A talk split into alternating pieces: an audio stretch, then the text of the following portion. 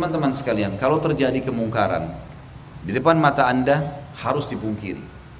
Dan Allah berikan keringanan dalam poin ini. Yang kita wajib seru dan kita wajib pungkiri adalah sesuatu yang kelihatan depan mata kita. Dan yang wajib yang pertama, misal gini, azan nih kita punya tamu di rumah. Jangan rasa nggak enak.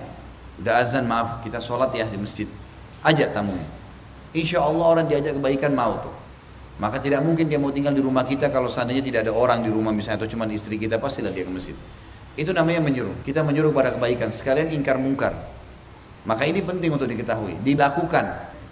Kalau ada orang yang berbuat kemungkaran di depan mata kita wajib kita ingatkan, kalau dia tidak melakukan yang ma'ruf kita harus ingatkan. Kalau kita biarkan dan itu merata nanti, banyak orang akhirnya mengerjakannya, Kata Nabi SAW, siapa yang lihat kemungkaran, dia harus pungkiri dengan tangannya. Tangan artinya kekuatan. Pemimpin negara menerapkan peraturan, tidak boleh ini, tidak boleh itu. Pimpinan perusahaan terapkan, pegawainya harus sholat, tepat waktu, harus ini, harus itu. Kemudian rumah tangga, suami mewajibkan istrinya pakai jilbab, menerapkan perintah-perintah agama, anak-anaknya nggak boleh melanggar maksiat. Ini semua adalah kekuatan. Kalau kalian tidak mampu, maka dengan lisan kalian, nasihati. Kalau kalian tidak mampu, dengan hati kalian. Dan itu selemah-lemah iman. Dan tidak ada orang yang tidak bisa pungkiri dengan hatinya. Teman-teman dari tadi Anda dari rumah ke masjid sini, berapa banyak pelang rokok di pinggir jalan? Berapa banyak teman-teman kita yang jual khamar kaum muslimin di pinggir jalan? Berapa banyak muslimah di pasar-pasar dekat rumah kita jalan di pasar dengan pakai daster tidurnya, nggak tutup aurat? Sudahkah Anda ingkar mungkar? Sudah pernah minimal Anda bilang ya Allah berikan hidayah. Saya sangat yakin teman-teman, kalau kita semua sepakati minimal saja ingkar mungkar dengan hati, insya Allah akan Allah hilangkan untuk kemungkaran. Masalahnya kita semua lewat, nggak peduli lagi sudah.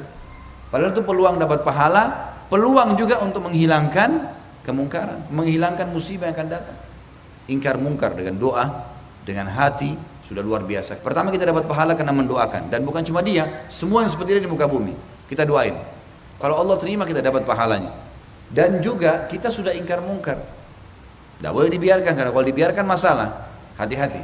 Kalau teman-teman lihat kemungkaran dan tidak memungkirinya, melihat sesuatu yang ma'ruf, azan ada orang tidak sholat, tidak diingatkan, minimal dengan hati, dengarkan hadis Bukhari.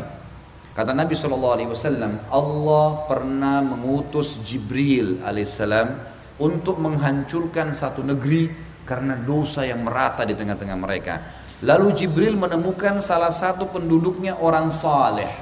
Lalu Jibril berkata kepada Allah, Ya Allah, sesungguhnya di negeri tersebut terdapat hambamu fulan yang saleh. Apa kata Allah? Mulailah azab siksaan dari dia. Dia yang pertama kamu kenain. Karena dia tidak pernah menyuruh kepada kebaikan, tidak pernah melarang dari kemungkaran. Rajin sholat ke masjid, tapi nggak pernah ingatin orang di dekatnya yang pinggir jalan. Di depan masjid kadang-kadang kita di Indonesia ini subhanallah azan duduk depan masjid. Azan dengar, iqamah, sholat, ingatkan. Cuma bilang saja. Maka itu sudah luar biasa. Karena kalau tidak, musibah datang, kita yang paling pertama diancam oleh Allah Subhanahu wa taala. Teman-teman sekarang ada kisah yang berhubungan dengan masalah ini. Kaum sebelum kita di sebuah negeri namanya negeri Ila. Negeri Ila ini di wilayah Palestina. Sekarang direbut oleh Israel tentunya dan masuk wilayah Israel. Dulu memang orang yang tinggal situ Bani Israel, pengikutnya Nabi Musa alaihissalam. Dikenal dengan Ashabus Sabt. Orang-orang yang melanggar peraturan hari Sabtu. Kan Nabi Muhammad SAW mengatakan dalam hadis teman-teman sekalian, Yahudi memilih Sabtu sebagai hari raya mereka, Nasrani hari Ahad dan aku diberikan hidayah untuk memilih hari Jumat. Jadi ini masing-masing hari raya dari tiga agama profetis atau Samawiyah ini. Yahudi di hari Sabtu dalam hukum Taurat mereka nggak boleh melakukan kegiatan apa pun. Tidak boleh mancing, tidak boleh beraktivitas bisnis, nggak boleh berperang di hari Sabtu. Ada hukum-hukum. Mereka nggak boleh. Kebetulan penduduk negeri Ila ini tinggal pas di pesisir pantai. Dan Allah subhanahu wa ta'ala menurunkan hukum pada mereka tidak boleh mancing hari Sabtu.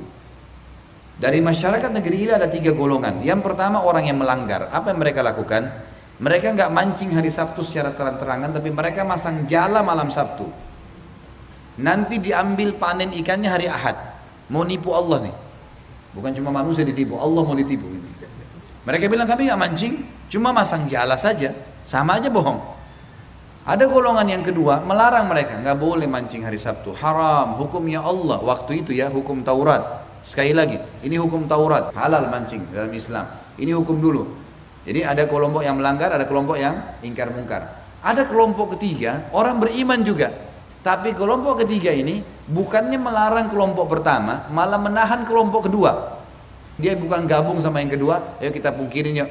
Enggak, kelompok tiga datang kelompok dua lalu mengatakan sudahlah, untuk apa ingatin mereka? Kalau mereka melangkah nanti Allah binasakan. Tidak usah, tidak usah pusing, biarin aja orang buat.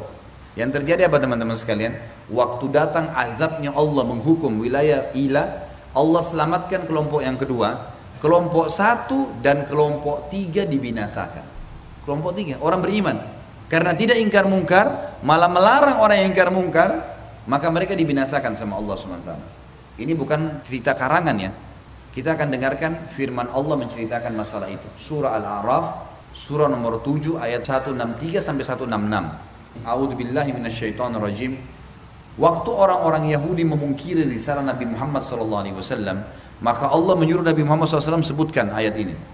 Was'alhum 'anil qaryati allati kanat hadiratal bahr id ya'duna fis sabt id ta'tihim hitanuhum yawma sabtihim syurra'a wa yawma la yasbituna la ta'tihim kadzalika nabluhum bima kanu yafsukun tanya kepada mereka hai Muhammad orang-orang Yahudi itu tentang negeri ilah tadi yang berada di pinggir lautan. Karena mereka bilang Nabi Muhammad SAW risalahnya bohong. Nggak benar nih Muhammad ngarang-ngarang. Al-Quran itu dicaplok-caplok ayat dari Injil dan Taurat lalu jadi Al-Quran.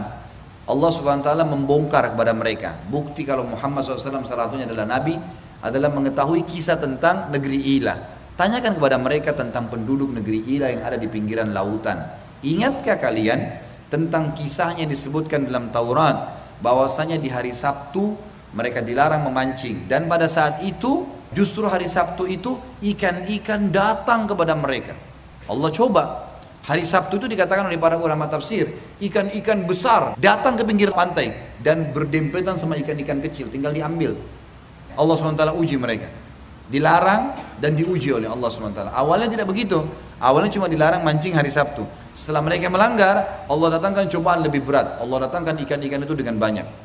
Maka yang terjadi teman-teman sekalian, kata Allah, ingatlah pada saat ikan-ikan itu datang memenuhi tempat-tempat mereka dan selain hari Sabtu, ikan itu tidak datang. Mereka harus keluar untuk mencarinya. Begitulah kami menguji mereka karena mereka berbuat kefasikan. Wa idh qalat ummatum minhum lima ta'iduna qauman illahu muhlikuhum mu'adzibuhum adzaban syadida qalu ma'dziratan ila rabbikum wa la'allahum yattaqun. Tadi itu ayat 163 sekarang 164. Allah menceritakan tentang tiga golongan tadi. Ada yang berbuat kemungkaran, ada yang mengkiri, ada yang melarang yang berbuat mungkar.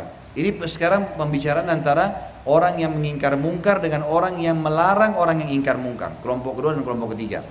Ingatlah pada saat umat yang ketiga yang tidak melarang orang buat mungkar malah menahan orang yang ingkar mungkar berkata kepada orang yang ingkar mungkar kenapa kalian harus repot-repot mengingatkan kaum yang nanti juga Allah akan binasakan mereka?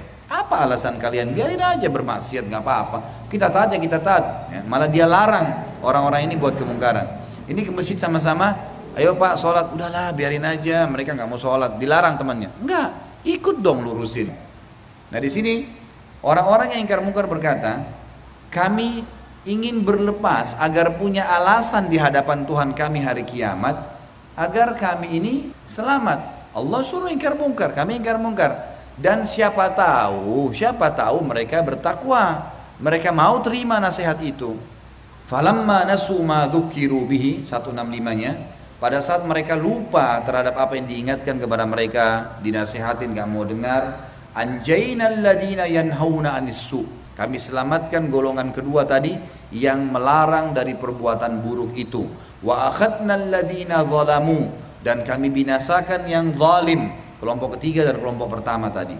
Bi'adzabim ba'isim bima kanu yafsukun dengan azab yang sangat menghinakan dari perbuatan fasik mereka. Falamma atau ammanuhu anhu kulna lahum kunu kiradatan khasiin pada saat memuncak Allah datangkan ikan-ikan tersebut mereka makin semangat untuk melakukan kemungkaran. Maka mereka lupa terhadap ancaman tersebut.